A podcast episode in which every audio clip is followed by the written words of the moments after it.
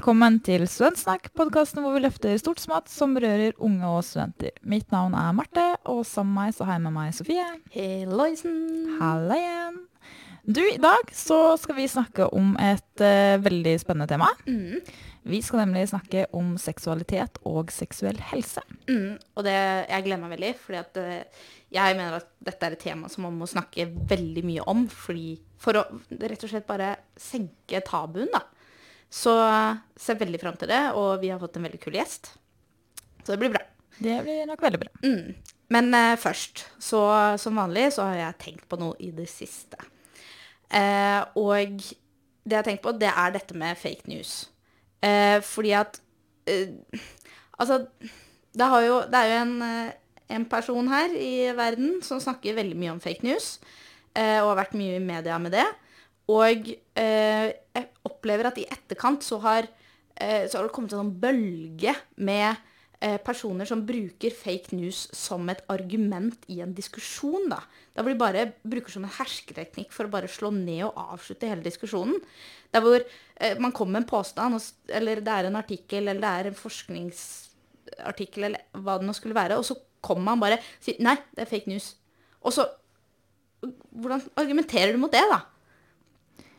Jeg vet ikke helt hvordan man skal eh, argumentere mot fake news. Jeg tror det er veldig vanskelig. Ja. Det er jo som du sier, det er jo en hersketeknikk som eh, kan brukes for å eh, egentlig parkere enhver form for konstruktiv debatt og mm. diskusjon. Um, og så er det jo helt klart en, en stor utfordring når det gjelder eh, folkeopplysning. Ja. Det blir jo vanskeligere å kunne eh, vurdere hva er det man skal tro på, og hva er det man kanskje ikke bør tro på. Mm. Og Nei, det? Jeg syns det er skikkelig eh, leit, da. Eh, fordi at det, Altså, det er jo eh, Det eksisterer jo eh, fake news i verden, eller falske nyhetsartikler som f.eks. bygger opp en politisk eh, kandidat, eller bygger ned en annen, eller for å eh, f.eks. Eh, bygge opp en motstandsbevegelse mot en sak. Eh, og, og, her har vi et problem. Et, et internasjonalt problem. Men når, eh, når, det blir et sånt eh, At mannen og kvinnen i gata eh, ikke helt eh, har oversikt over forskjellen på hva som faktisk er eh, falske nyhetsartikler, og hva som ikke er det, men likevel påberoper seg retten til å ta eh, vurderingen på om dette er ekte eller falskt. Så eh, eh, altså, det går jo ekstremt utover eh, de frie mediene i samfunnet vårt også. for vi er jo kjempeavhengige av de i staten. Men hva gjør det når de mister legitimitet, da? Ja, det er et godt spørsmål. Jeg vet ikke. Nei. Jeg er veldig engasjert men, i denne men saken. Tror du, tror du eh, de menneskene som har høyere utdanning, har uh, lettere for å kunne sortere hva som er fake news, og eh, hva som ikke er det, med tanke på at eh, under utdanning så lærer man jo gjerne kritisk tenkning og det med kildehenvisning, og å kunne vise til hvor du har henta fram de opplysningene du, du viser til, da, enten det er en tekst eller eh, en oppgave, eksamen eller, eller, hva det skulle være. Mm. Jeg tenker, eh, Det er nok ikke en, eh, et én-til-én-forhold, eh, men jeg tror absolutt at altså, man lærer mye høyere utdanning som eh, hjelper deg til å faktisk skille mellom hva som er falske nyhetsartikler og hva som er ekte. Um, men det er nok absolutt mennesker i samfunnet som også kjenner til Altså klarer å se forskjell, da, men jeg tenker at det kan være et, et mer sånn at, vi må stille noen krav til, eh, til de som eh, sikrer dataflyt i samfunnet, eller noe sånn, da. Fordi at eh, jeg vet ikke om jeg klarer å skille mellom en falsk og ekte um, nyhetsartikkel, og jeg har gått høyere utdanning. Men hvordan, eh, hvordan ser du for deg at man kan eh, sikre seg mot at uh, det kommer fake news ut i samfunnet. For jeg tenker én ting er å Jeg vet ikke om det er i det hele tatt mulig, men én ting er å skulle ha en, en viss form for styring over, over, mediene, noe som kanskje på mange måter ville vært uheldig. Ja. Um, men en annen ting er jo hvordan mennesker bruker sosiale medier til å dele informasjon. Eh, og det å kanskje være Kanskje alle rett og slett burde være litt mer kritiske i hva er det du deler videre? Hva er det du trykker liker på? Eh, er dette her informasjon jeg er helt sikker på at jeg har lyst til å videreformidle til andre mennesker? Nei, jeg tror kanskje vi må ha en egen eh, podkastepisode om dette temaet. Det kan Vi virke får, sånn. vi får se.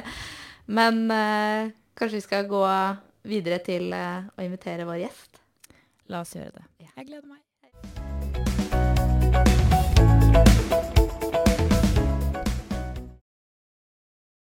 Seksualitet og kropp det er noe som omgir oss daglig. Vi ser det i sosiale medier, reklamer på TV og omgir oss med et stadig forventningspress om at vi skal være seksuelle vesener som lever opp til idealet om perfekte kropper med perfekt sexliv. Eh, Men når det kommer til det å sette seg ned og faktisk snakke om seksualitet og helse, så virker det til å være for mange eh, ukomfortabelt. Eh, og vi lurer jo på hvorfor er det lettere å le av sexhistorier på en fest enn å snakke om viktigheten av seksuell helse, og hva egentlig seksuell helse er. Eh, og som tidligere så er, så er ikke dette noe verken jeg eller Sofie eh, vil påberope oss eh, noe å være eksperter på. Tror vi må studere litt mer, jeg. Ja, jeg lurer på det. altså Bytte litt mer studier og sånn. Em, så i så fall så har vi vært så heldige å få med oss en gjest i studio i dag. Mm, velkommen til doktor Nils. Tusen takk. Vil du fortelle litt om eh, deg selv og hvem du er, hva du driver med? Jeg er lege. Eh, egentlig allmennlege i bunn. Og så har jeg skifta beite over til psykiatrien, som jeg syns er kjempespennende. Så eh, i tillegg til det så har jeg jobba en del med seksuell helse og eh, ungdomshelse, helsestasjonsarbeid, eh, litt radiolege før på NRK. Så det er veldig mange ting som jeg da er engasjert i, da. Eh, gjerne seksualitet og psykisk helse. Og så har jeg slått det sammen til mitt eget prosjekt, som jeg da kaller for Doktor Nils. Som jeg starta opp i fjor, med profil på Instagram og Facebook og egen nettside. Eh, som har vært kjempespennende å jobbe med. Med mange spennende forespørsler og mulighet til å være eh, aktiv i media også. TV, radio, aviser. Eh, litt forskjellig. Kursing, foredrag. Masse gøy. Spennende. Veldig spennende. og veldig spennende å få lov å være her. Ja. For det er jo ehm, sånn at når vi snakker om seksuell helse, så tenker jo kanskje veldig mange på eh, sykdommer tilknytta sex, f.eks. klamydia, eh, eller fravær av dette, eh, og at man må på en måte sjekke seg eh, for å sørge for at man har en god seksuell helse. Men eh, hva betyr egentlig seksuell helse? For at vi mistenker jo at det kanskje ligger noe mer i den bare seksuelt overførbare sykdommer. ja, absolutt. Og så får jeg håpe at det ikke blir en sånn kjempeskuffelse som ikke kommer med en sånn supertydelig definisjon. Um, men for å si det sånn, akkurat det du sier er helt riktig, det er ikke bare fravær av sykdom eller lidelse. Da er man liksom i null, tenker jeg. Og eh, seksuell helse handler om også noe som er positivt. Uh, og så er det kanskje litt vanskelig å få til en, en sånn reinspikka definisjon hva det er, for det vil jo være så forskjellig fra person til person. Men det viktigste tenker jeg er at man definerer selv hva er ens egen seksuelle helse. For det kan være så utrolig variabelt hva noen er tilfreds med, eh, som naboen kanskje er kjempemisfornøyd med. Så det handler egentlig om å ha en eh, vil kanskje tenke å ha en trygt eh, forhold, og kanskje avklart forhold, til sin egen seksualitet. Hva legger man i det begrepet selv? Eh, hvordan definerer man seg som et seksuelt vesen? Eh, hvilken orientering eller tiltrekning har man? Eh, hva legger man i det? Hva er det man eh, liker å gjøre? Hva man ikke liker? Hvordan påvirker det en selv i hverdagen og livet generelt? For seksualitet påvirker jo det på veldig mange områder, som ikke er så veldig sexy også. Eh, det handler jo f.eks. hvordan man kler seg, eh, eh, hvilken familiekonstellasjon man har, hvilke venner man har, hva man driver på med, hva man jobber med. Eh, handler kanskje veldig mye om hvilken seksualitet man faktisk har, uten man kanskje har tenkt over det. Eh, kanskje hvor politisk aktiv eller inaktiv man er, kan også ha noe med seksualitet. Så jeg tenker det, det kan egentlig eh, flyter ut i veldig mange ting, da, så blir det kanskje nesten vanskelig å si hva det er. Men, men det er jo noen ting kjerne som jeg tenker alle føler kanskje hva det er. Sin egen seksualitet og seksuelle helse. Men eh, jeg er i hvert fall opptatt av at det skal være ikke bare klamydia eller ikke. For det eh, kan det fort bli oppfatta som, akkurat sånn som du sier. da. Og da kommer på en måte oppfølgingsspørsmål. Hva er sex? Hvor går grensene på det? Å, jeg liker spørsmålet. Ja. Eh, da har jeg også laga noe innlegg om sjøl, fordi jeg har også liksom reist spørsmålet der. Fordi eh, jeg har også spurt liksom mine venner og omgangskretser hva legger dere i sex. Eh, jeg har spurt ungdom som jeg møter, hva legger dere i det. Eh, fordi så kan man kanskje tenke at ja, det handler om å pule, da. Eh, eller at det må være med orgasme, eller er det med orgasme bare for den ene parten, eller må begge ha orgasme for at det skal liksom være et ordentlig knull, eller at man skal kalle det sex? Eh, For hva med alt det andre? Jeg tenker, i hvert fall jeg legger ganske mye mer i det. Altså oral sex, fingersex, um, berøringssex, telefonsex. Um, ja, hva mer da? Vi har jo mange varianter av det. Og så, jeg tror det handler litt om hva du legger i det sjøl. Om du føler at dette her er noe som er seksuelt stimulerende, så er det for så vidt sex. Altså sex med seg sjøl. Det kan man jo ha på veldig mange måter. Så jeg tror sex er veldig et sånn dårlig em, forstått begrep, da. Altså, si sex, liksom, og så får du all verdens forskjellige bilder til hver enkelt person du spør. Så jeg tror det er veldig interessant å liksom høre okay, hvilke bilder, hvilke assosiasjoner har du. Eksempel, har du noen gang hatt sex? Hva skal man svare da, hvis at man på en måte har man har eh, berørt noen, man har fingra litt klådd på noen andre, man har kanskje runka av noen andre. Eh, er det sex, er ikke? Altså, du vil sikkert få forskjellige svar fra avhengig av hvem man spør, da. Men jeg tror man skal definere litt selv, tenker jeg. Eh, Motparten vil jo være et seksuelt overgrep. Dette blir litt sånn skummelt tema å bevege seg inn på allerede nå. Men det er jo også ganske sånn Det er jo ikke noe klart skille i en bok. Hva er det? Eh, det handler veldig om hvordan det blir opplevd for den som er involvert. Var det her et overgrep eller ikke? For det ville kanskje i aller høyeste grad være for noen, mens for en annen så er ikke det i det hele tatt. Fordi man har et helt annet forhold til egen kropp og sex og uh, det som foregår mellom to. Så um, det er veldig sånn individuelt, altså, tenker jeg. Mm. Em, er det noen eh, klare, tydeligere endringer som man ser i samfunnet når man snakker eh, om sex? Altså fra, eh, si fra andre verdenskrig og fram til i dag. Altså er det noen sånne klassiske store skiller som man ser? Eh, vi, vi ser jo og vet jo på en måte den tida hvor eh, hiv og aids ble mer eh, allment kjent. Eh, og kanskje litt hvordan det påvirka litt tida etterpå. Eh, og sånne ting. Og det har jo skjedd endringer opp igjen i tida, både i hvordan man eh, ser på det med ikke-heterofili, eh, og em, ja, hvordan man på en måte tenker og snakker om sex. Da er det noen sånne klassiske store endringer som man kan snakke om? Hmm. Da må jeg tenke litt, for det er det jo garantert. For jeg tenker alt endrer seg i tida. Og så tror jeg det er nok kanskje mer formen på det som endrer seg, og kanskje hvordan man kommuniserer det. Litt som at jeg tenker at sex har jo alltid vært der. Eh, jeg tror ikke vi har noe mer sex nå enn det man hadde før. Eh, jeg tror i hvert fall ikke noe på det.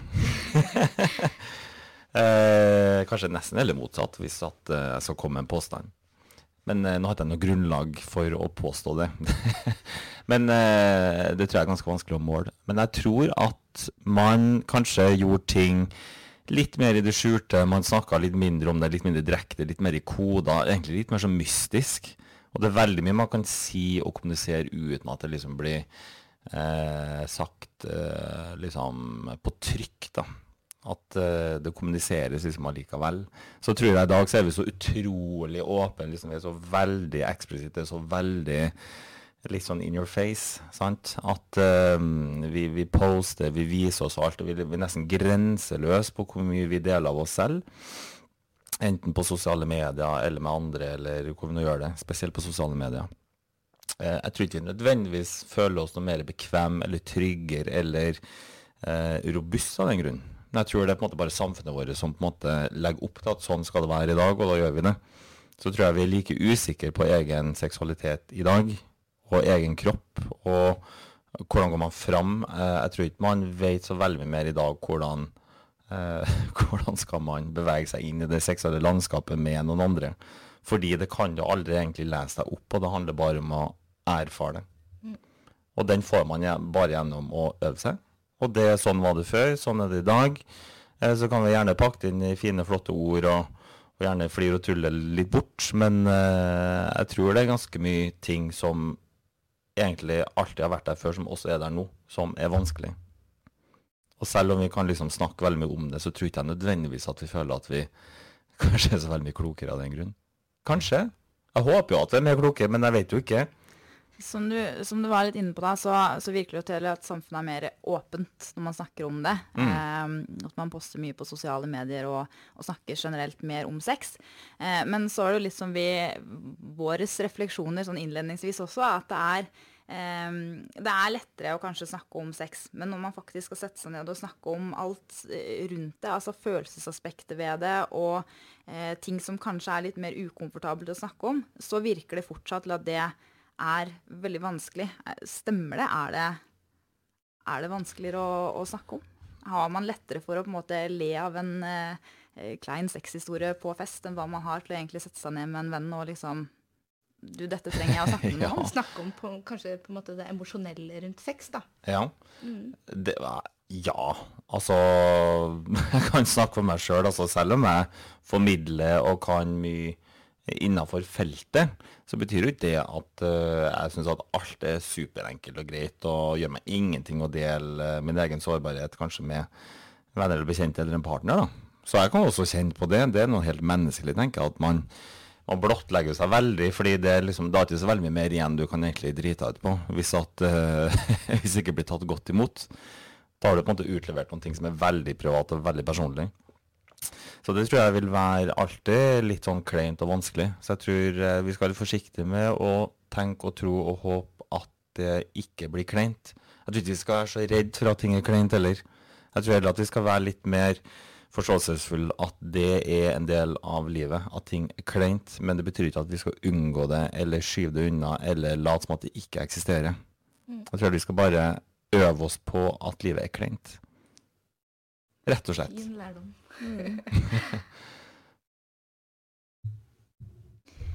Det er jo sånn at eh, eh, For noen så kan man bruke en del seksuelt ladede ord eller uttrykk, gjerne sette det i en negativ kontekst.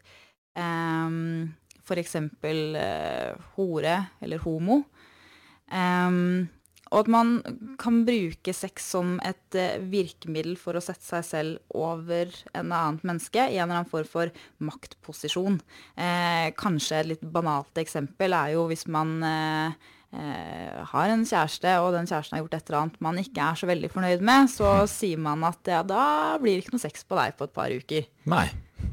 Hva Har du noen noe tanker om hva det kan gjøre med, med et menneske? Det er klart Hvis det er en, en gjentagende effekt, er det noe, har det noe påvirkning på oss å, å bli kalt for eh, negativt seksuelt ladede ord, eller at noen bruker sex som et virkemiddel på oss for å, for å vinne en eller annen maktposisjon? Ja, helt klart, tenker jeg. Og det blir jo litt sånn eh, Så kan det virke litt sånn trivielt. Og det, det kan jo for så vidt også være. Eh, men det blir jo litt sånn snikinnføring av litt sånn dårlig selvbilde, da. Så i hvert fall hvis det repeteres eh, jevnlig, så, så vil jo det helt klart få noen konsekvenser, tenker jeg. For vedkommende Og så vil man jo være litt forskjellig rusta eh, som person også. At noen vil eh, lettere la seg bli berørt av det. Men, eh, men sex som språk, jeg tenker det, det har vi jo rundt oss på veldig mange måter. Eh, og det vil jo nettopp også derfor misbrukes i enkelte situasjoner. Så tenker jeg at eh, det vil nok være I en parrelasjon eh, så er jo kommunikasjonen rundt sex da, eksempel, den er jo kjempeviktig. Og den er jo så utrolig vanskelig egentlig å få til. Og jeg tenker i hvert fall hvis at den kanskje ikke har eh, vært så godt forankra i starten av forholdet. At man ikke har vært bekvem med hverandre om å snakke om sex og hva man liker og ikke liker, og hvordan man ønsker å ha det, og hvordan seksuallivet faktisk er. For det er ting man må sjekke ut jevnlig. Liksom, hvordan har vi det nå? Det gjelder bare seksuallivet, det gjelder hele parrelasjonen. Jeg tenker at Hvis at det ikke er forankra, og man f.eks. bruker for eksempel sex som et maktmiddel, ja, da blir det ikke noen ting på deg de neste to ukene så, eh, så, kan jo det lett få ting til å spinne litt i hodet den andre, tenker jeg. Av eh, for, hvordan forventninger skaper du da til neste man skal ha sex? Og blir det litt sånn at man skal uh, please seg fram til sex, eller at man uh, opplever at man kanskje ikke blir møtt på sine egne behov, da. At da blir det kanskje gjerne at den ene blir maktutøveren i å bestemme når og hvordan og på hvilken måte man skal ha det. Vet ikke helt om det var et svar på spørsmålet? Ja, for sånn som du snakket om i stad, så, så, er man jo eh, ofte i en veldig sårbar situasjon når det kommer til sex. Og det mm. å bruke sex som et eh, For å heve seg selv i makt, eller som et virkemiddel, da, eller for å undertrykke den andre, det er jo holdt jeg på å si et effektivt virkemiddel som kan få ganske store konsekvenser for den personen som dette blir utøvd mot, da. Mm. Så man står jo bokstavelig talt uh, naken når det kommer til sex og seksualitet. Mm. Så man kan jo fort bli veldig avkledd når det også blir brukt som et, uh, et maktmiddel, for å si det sånn. Så, så det, det, blir jo litt sånn innertier hvis at du bruker det som, som et verktøy. Mm. Da, da, treffer man jo rett inn i kjernen. Mm. mm. Men nå har vi jo snakket også litt om dette med transseksualitet, eh, homofili og mm. sånn. Men eh, sånn når vi snakker om eh, seksualitet og sex, da, eh, kan ikke du fortelle litt om det store mangfoldet? For det er jo ofte sånn at forsiden på Dagbladet er en mann og en dame som eh, overskriften er 'hvordan få best orgasme', på en måte. Ja. Og det er eh, veldig ofte kvinne og menn og det heterofile bildet. bildet er, ja. er det som møter oss, da. Mm. Kan du ikke fortelle litt om dette eh, Alt annet som finnes? Mm. Det fins uh, Alt fins. så spørsmålet om det får lov å komme til uttrykk da, i et samfunn eller ikke. Mm. Så uh, det er altså det store problemet er nettopp at vi har skapt de skillene som vi har. Og så skal vi selvfølgelig huske på det at vi er jo biologiske vesener. altså Selvsagt så er det jo sånn at eh, det er det heterofile relasjonen som er eh, mest vanlig. Sånn har jo biologien utstyrt oss, så vi skal jo huske på det. Vi skal ikke på en måte liksom shame det heller, at det blir framstilt sånn, men det blir jo veldig sånn eh, Veldig atskilt og ekstremt. Jeg bare sånn hørte faktisk på radioen i morges, og da handla det om sånn helt nye Eh, Istedenfor sånn baby showers, så handla det om sånn eh, Hva var det? Gender reveal shower. Eh, hvor man da skal på en måte avsløre kjønnet. Om det er rosa, ikke sant? er det jente, er det blå, er det gutt. Det, det, liksom, det starter jo lenge før fødselen i forhold til definisjonen av kjønn, og allerede hvilke farger kjønnet skal på en måte assosieres med. For 100 år siden så var rosa guttefarge, f.eks. Så dette her er kulturelt betinga. Dette her har vi skapt. Så allerede fra man blir født, så skapes jo liksom de skillene der, og det gjør det også med seksualitet. sant? Så det, det, blir jo på en måte en del av våre dagligtale, og så glemmer vi litt. For vi har, et, vi har et sånn heteronormativt samfunn hvor man på en måte forventer, eller man tenker bare ikke over det, at det finnes noe annet. Um, og det, det, er ganske skummelt, altså.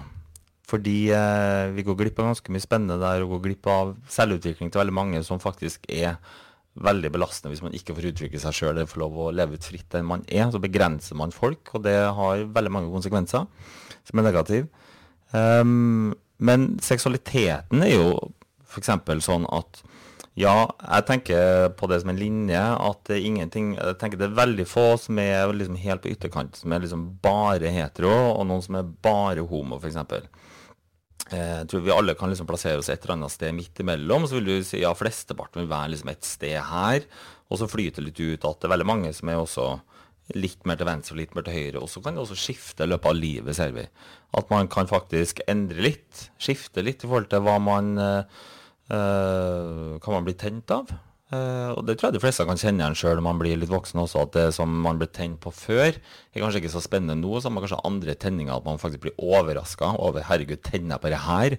Eller 'shit, tenner jeg faktisk på det kjønnet der nå?' Eller 'oi, dæven, det der var Han eller hun var jo supersexy. Det har jeg jo liksom aldri følt noen ting for før. sant? Så man nesten blir skremt over at 'shit, hva som foregår nå'.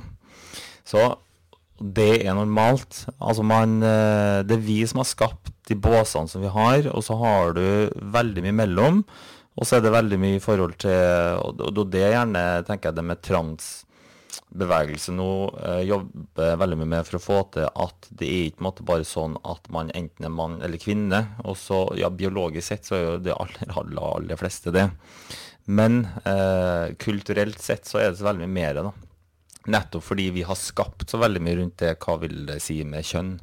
Sant? Og så kan du se historien så var det jo, i romertida var det jo kjempevanlig at menn lå med hverandre. Og det var jo liksom status. Eller at uh, i romantikken så gikk jo menn i mye mer feminine klær enn det kvinner gjør i dag. Sant? Det er jo kulturelt betinga i en kontekst. Så jeg tenker at vi har et ekstremt kjønnsdelt samfunn i dag sammenligna med før, altså. Selv om vi liker å tro at vi er så jækla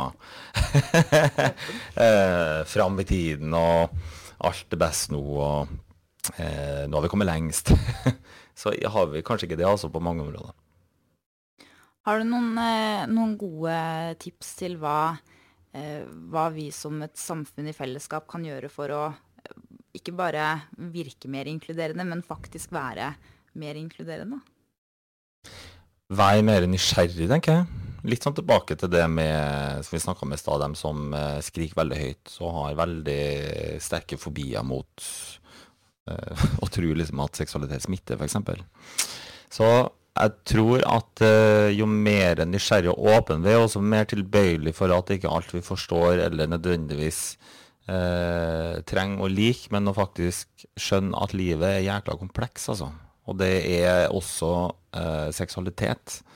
Så det å tro at um, Eller å forvente at alle skal oppføre seg og gjøre like det man selv liker. Fordi kanskje at flesteparten liker det samme, så betyr ikke det at uh, det nødvendigvis er så bra. Sant? Så jeg tror at uh, Og så tror jeg egentlig det viktigste, da. Uh, som samfunn det tror jeg egentlig at vi alle som individer uh, ivaretar oss sjøl bedre. Og det gjør vi i kontekst med andre. Jeg tror blir vi litt for selvopptatt og litt for opptatt av selvrealisering, så kan vi også ende opp med å bli litt egoistisk og bli litt sånn sær på hva, også hva vi tenker og tror og mener. Hvis vi ikke lar oss sjøl utfordre. Men jeg tror at vi skal være også litt mer oppsøkende for å utfordre oss sjøl litt på alt det vi går rundt og, og fantaserer om eller uh, har meninger om. Og, og, tør å gå inn i diskusjoner hvor vi faktisk kan bli sagt imot, og heller lytte litt til hva er det motparten sier. For det er utrolig mye spennende når man uh, går inn med en holdning og tenker at det her kan det faktisk være at jeg tar riv ruskende feil. Fordi det gjør vi faktisk ganske ofte. Så, og det livet blir veldig mye mer spennende sånn, det syns jeg i hvert fall. Uh, jeg er veldig glad for uh, for at jeg i hvert fall mener at jeg er ganske nysgjerrig.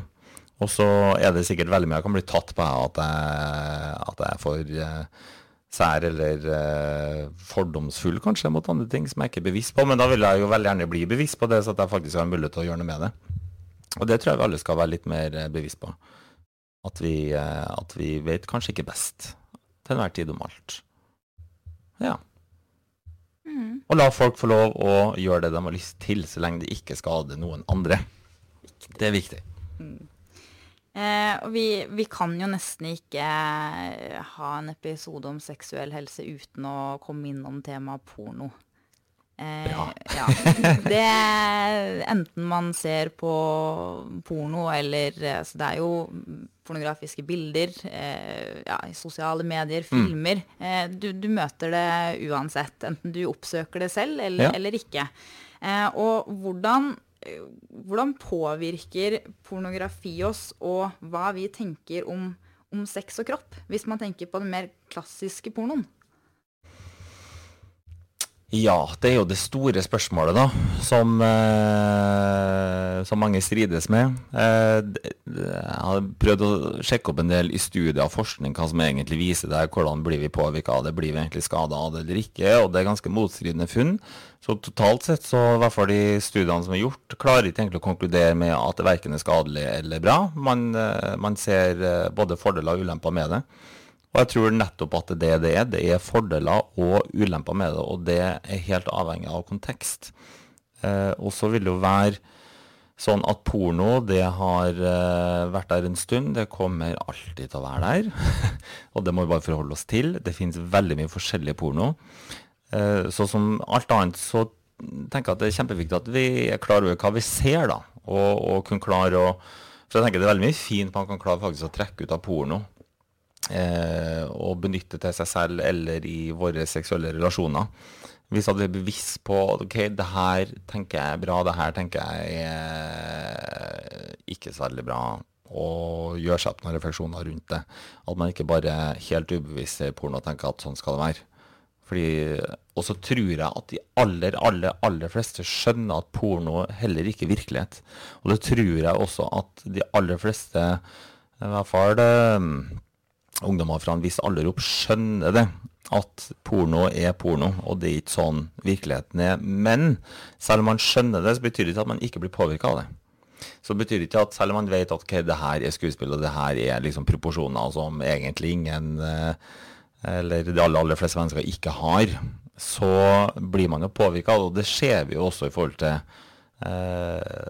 ser jo rundt i forhold til Kanskje det vises ekstra godt til jenter da, som har utrolig mange som har eh, fillers. Um, bruker litt injeksjoner her og der. Eh, pynter litt på utseendet, og de er liksom 20, 20 år.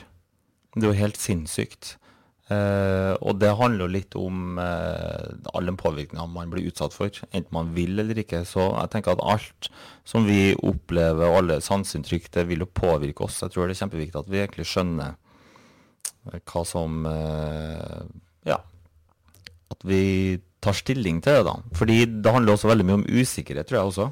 At man Kanskje hvis man er litt usikker på, på sex, da, så vil man kanskje ha porno som referanse. Fordi det er det man liksom har sett på.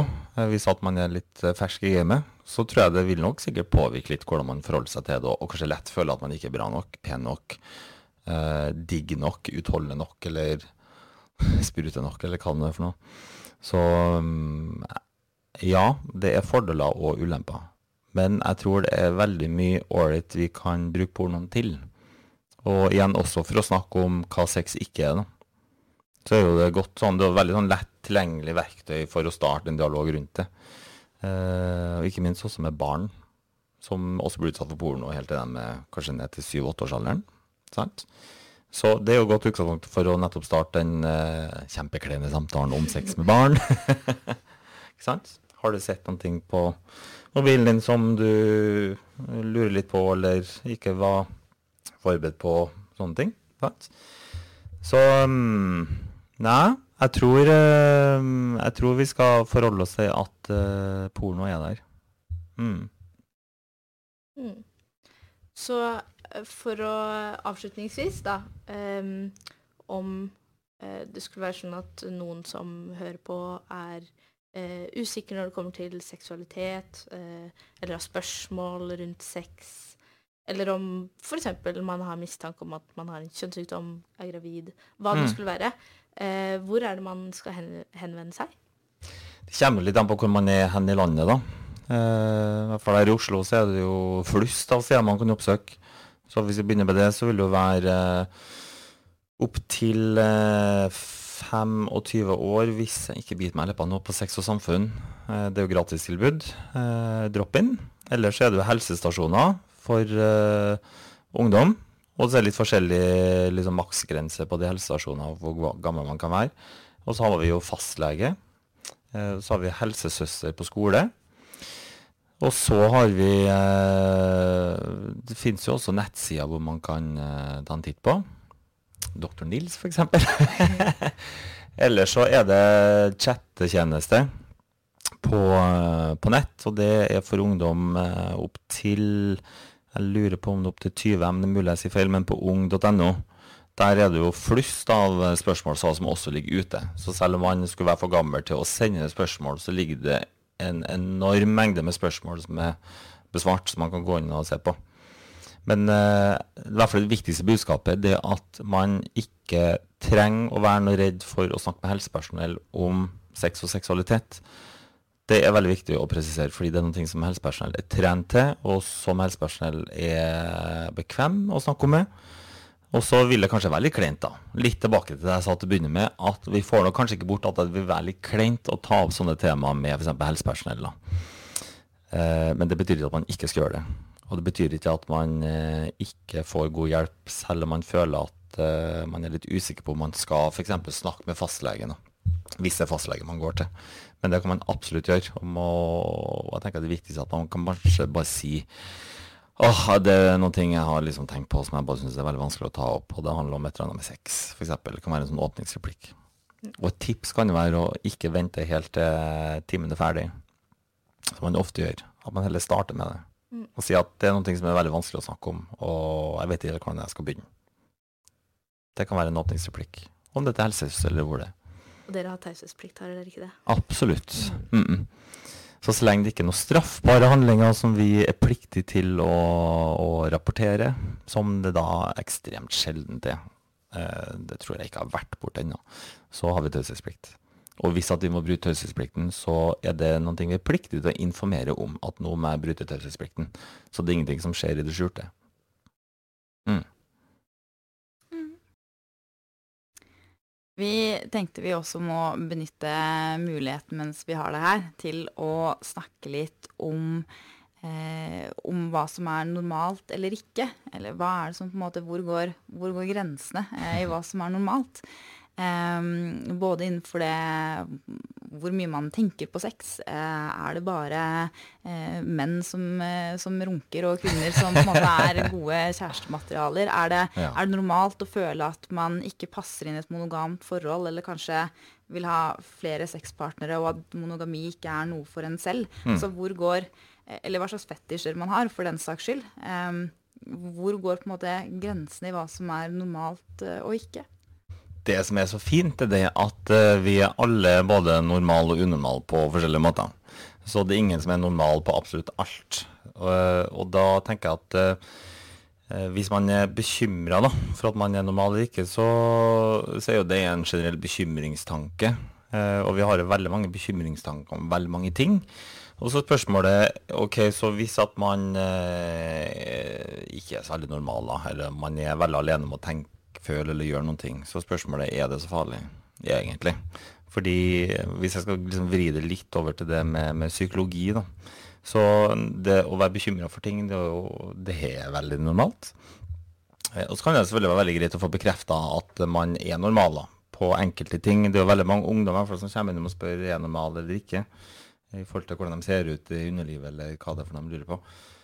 Men um, det å være unormal er ikke nødvendigvis noe negativt. Uh, tvert imot. Det kan være negativt å være normal. Uh, på samme måte som det kan være en fordel å være unormal. Så jeg tenker at uh, hvis man lurer, da, så vil det være sånn at vil du alltid finne noen som eh, tenker og gjør sånn som deg, sånn på en eller annen måte. Kanskje det ikke er så veldig mange, men, men jeg er ikke sånn kjempeopptatt av hva som er normalt og unormalt. Det er heller mye mer interessant å finne ut om uh, ok, men syns jeg det her er ok, er jeg tilfreds med det? Og så kan det selvfølgelig være sånn at vi ønsker veldig bekreftelse fra alle rundt oss. sant? F.eks. Hvis, at, uh, hvis at man tenker man har veldig avvikende seksuelle ønsker preferanser, eller uh, det er noe som blir veldig tabu i samfunnet, så man føler at ja, men sånn har jeg lyst til å leve livet mitt så er det selvfølgelig veldig ålreit hvis at man får bekrefta fra andre at ja, ja, men det går helt fint, og det går bra, selv om det høres litt sånn unormalt ut. Så jeg tror nok det handler mer om bekreftelse, sant? om noen ting er normalt eller ikke. Liksom, Er det greit, er det OK, er det innafor, kan jeg gjøre det, kan jeg tenke deg å gjøre, kan jeg fortsatt holde på sånn som jeg holder på. Så mm, Men så ufattelig kjedelig hvis vi alle hadde holdt med det samme. Så jeg tenker det er en berikelse å være litt unormal og litt avvikende og litt annerledes enn kanskje de fleste rundt seg. Så som sagt så vil jo ofte ikke det gjelde alt. Men uh, f.eks. om man har uh, lyst til å leve i uh, et forhold hvor man er flere partnere, da, som vi kan absolutt si det er jo unormalt per definisjon av Hvis du skal tenke liksom statistikk hva er normalt, så er jo selvsagt det unormalt. Men det betyr ikke at det er nødvendigvis feil. Det betyr ikke at det er noe som er negativt. Det kan godt kanskje være sånn at det blir tatt imot negativt av samfunnet rundt, og det er jo dumt. For det skader jo ikke samfunnet rundt i det hele tatt. Men igjen, da, så har man jo de eh, ignorante som tenker at det kan være smittsomt, f.eks. og igjen, det er veldig mye som er Kulturen bestemmer jo veldig mye hva som er normalt og ikke normalt. Sant? Som jeg snakka litt om med kjønn og farger og seksualitet og identitet. Så ja, det er litt sånn kinkig svar på det, egentlig. Men eh, konklusjonen vil egentlig bare være det at det vil være Hva er greit for deg, da? Istedenfor, du kan jo omformulere spørsmålet i hodet. Uh, Istedenfor er jeg normal eller er jeg unormal, er det her noen ting som jeg er OK med uh, å fortsette med, eller å ha det sånn? Kan jeg leve et uh, bra liv? Kan jeg føle at min seksualitet er god og bra og tilfredsstillende, selv om jeg har det sånn som jeg har det?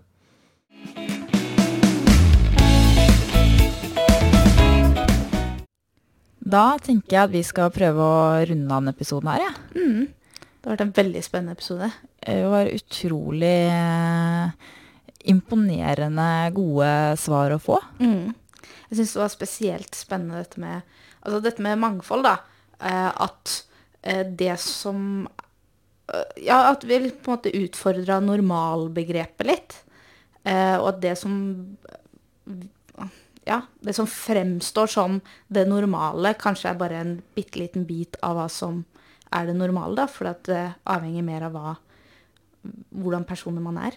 Hva som er normalt. Ja, at man eh, At alle kanskje kan gå litt inn i seg selv, og i stedet for å bekymre seg over hvorvidt den jeg er, er oppfattes som normalt for andre, mm. eh, kanskje heller tenke over om det er noe som jeg er komfortabel med, og som er greit for meg. Mm. Og så lenge det er det, så trenger man kanskje ikke å bry seg så mye om hva andre tenker er normalt eller ikke, for det viktigste er egentlig at du er komfortabel med den du selv er, og eh, ja, de følelsene og tankene du selv har rundt din egen seksualitet. Da. Mm, og ikke skader noen.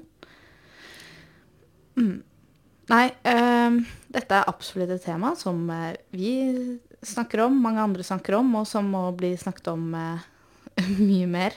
Og som jeg tror alle, alle kan ha godt av å snakke om utenom de kleine samtalene på fest, hvor man, ja. hvor man sier ting i en litt mer eh, spøkefull tone. Mm. Så hvis man har bekymringer eller noe på hjertet, så, så våg å snakke med nær venn eller familie, eller oppsøk fastlegen eller andre det måtte være, uavhengig av hvor kleint det er. For litt ja. sånn som man var inne på, så eh, kommer man kanskje ikke unna det at livet er kleint. Det er nok mm. kanskje bare en læringssak vi må gjennom alle sammen. Mm. Da får vi si takk for oss. Ja. Eh, og så håper vi at eh, dersom noen som hører på har spørsmål eller tilbakemeldinger, så er det bare å sende til studentsnakk.krøllafastudent.no. Eller legge ut på noen sosiale medier der du kan bruke hashtaggen studentsnakk. Og eh, ja, også at man skal abonnere på oss på iTunes og SoundCloud, da. Det er kjekt. Da det er plinger det opp når det kommer en ny episode. Ja. Da gjenstår det egentlig bare for oss å takke for oss. Ha det bra. Ha det.